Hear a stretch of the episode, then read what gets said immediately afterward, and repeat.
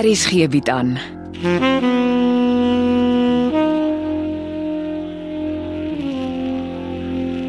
Afsluiting deur Jo Kleinhans.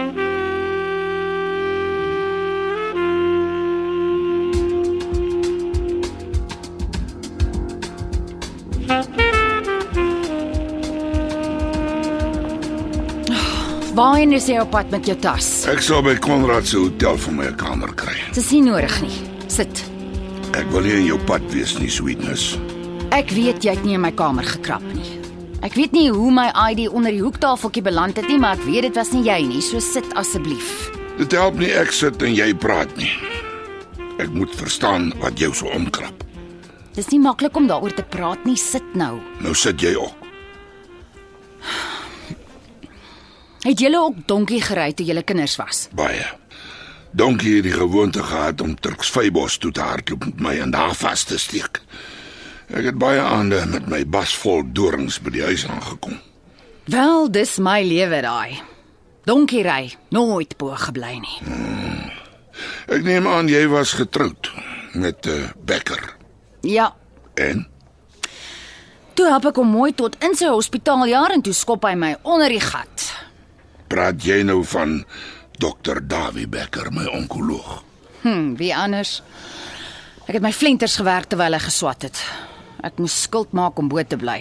En toe ek vrot van die skuld is, toe sê hy, "Shelly, daar's 'n nuwe vrou in my lewe."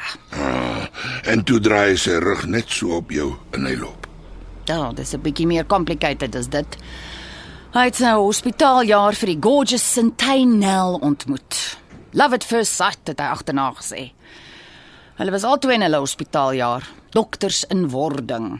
Daar weet geryf oor hoe hulle dieselfde belangstellings het en mekaar se taal praat en ek het dadelik geweet my tyd is verby. Moenie vir my sê hy jou met al die studieskuld gelos nie. Dawie dink nie so nie. As jy met hom daaroor praat, sal jy hoor ons is fair and square uitmekaar. Al wat ek vir jou kan sê is dit was my ergste donkie gooi. Ek is chop chop bankrot verklaar en uit die huis geskop en tot op die straat se hoek waar ek vandag nog staan. Ek moes swem of sink en ek het verseg om te sink. Hy kan nie daarmee wegkom nie. Dis krimineel in my boek. Luister jy nou mooi vir my sê versagie. As jy ooit jou neus in my sake steek, praat ek nooit weer met jou nie. Ja, maar- Verstaan ons mekaar nou baie mooi? Of soek jy 'n repeat in al 11 ons landstale? Al hoekom ek jou my sad storie vertel is omdat ek skuldig voel oor ek jou gisterand so ingevlieg het. Ek moenie my bevoeterdheid op jou uitgehaal het nie. En nou vergeet jy wat ek jou vertel het? Ek gaan vir ons koffie maak.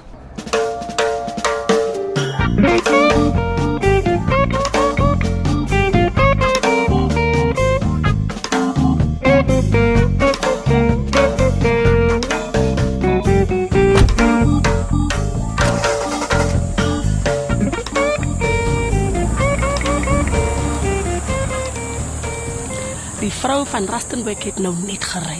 Sofia van Tonder. Daai een ja, en sy huil.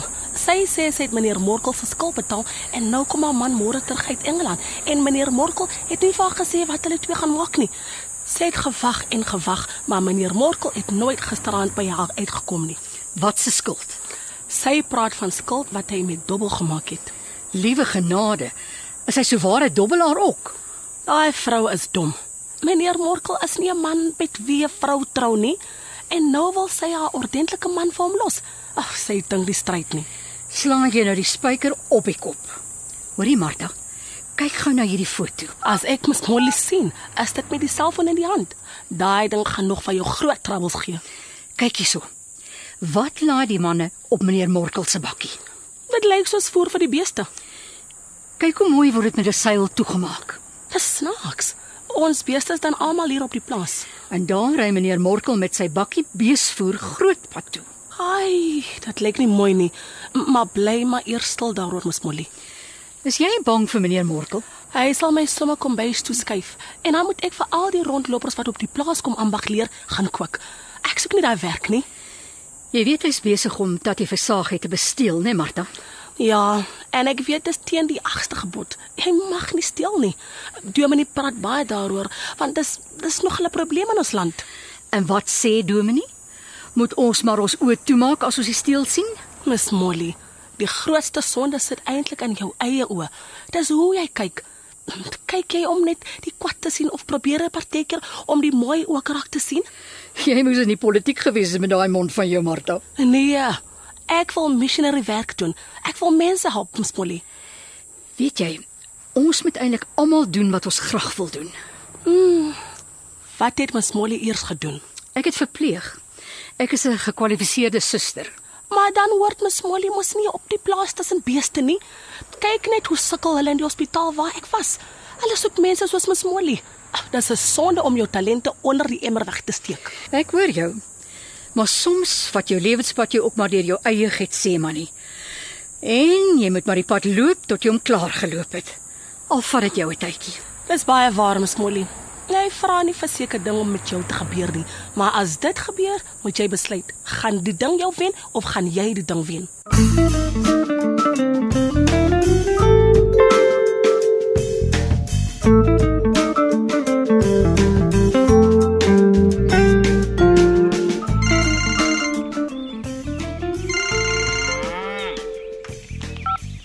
Middag, pa. Waar is jy? Is pa terug op die plaas? Nog nie. Ek hoor beeste, maar Martha sê jy's nog nie op goed begin nie. Nee, Ek drink gou 'n koffietjie by Niels Leroux. Hoekom het jy nie Konrad se geld oorbetaal nie? Wat se geld? Moenie vir jou dom hou nie. Ek praat van die verbrande 100 000 rand wat jy Konrad laat oorbetaal het. Ek het nie 'n idee waarvan pa praat nie. Wil jy vir my sê jy was nie by die kind se werk nie? Ja, ek het gaan probeer vrede maak, maar ek het die koue skouer gekry. Wie of wat is midnight business? Ja, ek het nie idee nie, maar dit klink nie baie vars nie. Hoe op liegmorkel? Dis die dobbelplek waar jy alweer op skuld gedobbel het, my magtig. Onskuldig, edelagbare.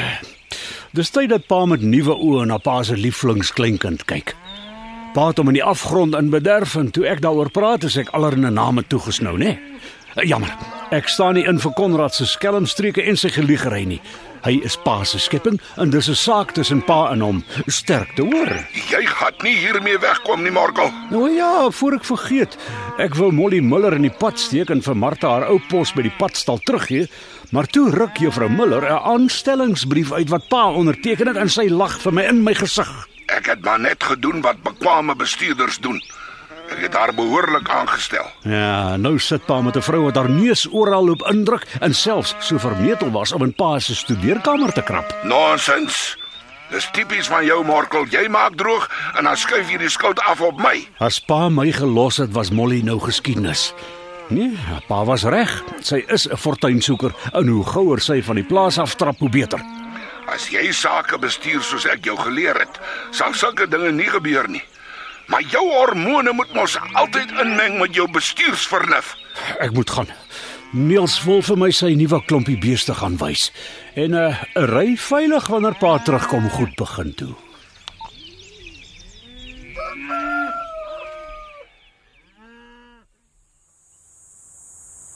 Jy hou ook nog maar nie op om te skinder nie, nee Martha. Hoe bedoel meneer Morkel nou? Jy dra stories aan by Tata Visagie. Vertel hom ek is nooit op die plaas nie. Ai nee, meneer Morkel. Ek het hom dan so mooi vertel, meneer Morkel was die hele oggend hier op goed begin gewees. En meneer het so fliks van die beeste se voor op meneer se bakkie gelaai. Uh, van wat se voer praat jy? Meneer weet mos. Nee, meneer weet glad nie van beesvoer wat hy vanoggend op sy bakkie gelaai het nie. Vertel my dat ek ook kan weet. Dis 'n laaiery wat ek ongelukkig nie self gesien het nie. Ja, maar jy weet genoeg daarvan om daaroor te loop en skinder in my agterend by Tata Visagie toe te steek. Dink meneer ons moet nou oor beeste voorpraat, meneer Mokkel? Ja, asseblief. Ek wil weet hoekom jy dink ek het beesvoer op my bakkie gelaai. Dis nie ek wat so gedink het nie. Dis die foto's wat so gewys het. F foto's van van watter foto's praat jy? Van die foto's op die selfoon. Ag, ek sê mos, 'n selfoon is net 'n ding wat moeilikheid maak. Wie het vir jou foto's op 'n selfoon gewys? Dit was baie vinnig. Het Molly vir jou die foto's op haar selfoon gewys? Sy wou eintlik foto's van die veld neem, maar toe is meneer Morkel ongelukkig heeltyd tussenin met die beeste voer. Vir 'n kerkmens lieg jy iets verskrikliks. Molly maak stories op teen my en jy van alle mense glo haar. Daar is darm 'n verskil tussen 'n storie en 'n foto, meneer Morkel. Jy geweet skelms kan foto's 'n dokter. Ek het nie eers geweet daar's 'n ding soos 'n psiekfoto nie. Ek praat van skelms wat skewe foto's so skelm maak dat dit vir jou soos regte egte foto's lyk. Al wat ek weet is die foto's wat ek gesien het was glad nie skeef nie. Hulle was baie duidelik. Uh, Hoekom is meneer met die beeste voer grootpad toe? Martha, Martha, Martha. Omdat hier boere in ons kontry is wat swaar kry. En daar is besluit ons help ons sukkelende boere. Daardie bakkie beesvoer waaroor jy so flikskinner was my naaste diens wat ek aan Koster se gemeenskap gelewer het. Maar in steede van dankie meneer Morkel dat jy jou naaste liefhet soos jouself, moet ek hoor ek besteel Tatevisagie. Jy klok maandag by die ambagskool se kombuis in.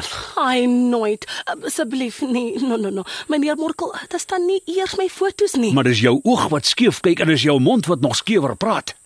is nie 'n mooi ding wat meneer nou doen nie. En dink jy jou geskinder is mooi? Ek moes lankal vir jou en Molly geskei het. Sy vergiftig jou en jy laat dit toe.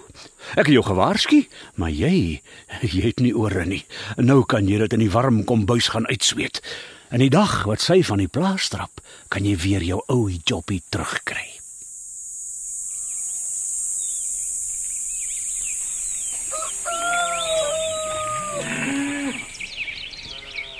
Jy soek vir my en jy gaan my kry.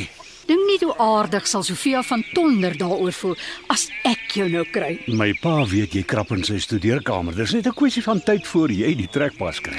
Ek sal nie geld daarop verwet as ek jy is nie. Weet jou pa Sofia het jou dubbelskuld vir jou betaal? Uh, waaroor jy dit? Ek het die arme Sofia se nuwe skouer geworp waarop sy haar diepste droefheid uitstort. Ag, asseblief.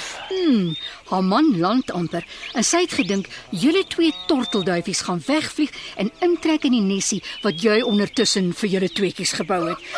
Maar uh, al wie toe gisterand by haar opdaag is jy. Die vrou Eil, ons het niks meer om vir mekaar te sê nie. Ek het haar gehelp en dis klaar. Die arme vrou skree verraad en sy's verpletter. Sy's 'n absolute drama queen. Ek het gedink, sodra jou skoonpa terug is op goed begin, gaan laai ek vir Sofia op en ek bring haar hiernatoe vir 'n heerlike koppie tee saam met seef. Sofia se kop is besig om te los. Sy het niks op goed begin verloor nie. Snaaks hoe vroue se koppe hulle begin te los sodra hulle eers met jou de mekaar was. Snaaks, nee. Maar gelukkig hoef ek nie meer baie lank na jou geteem te luister nie. As ek jy is, soek ek solank vir my 'n ander werk. 'n Seeversagie gaan jou na dese beslis nie verteen nooi nie.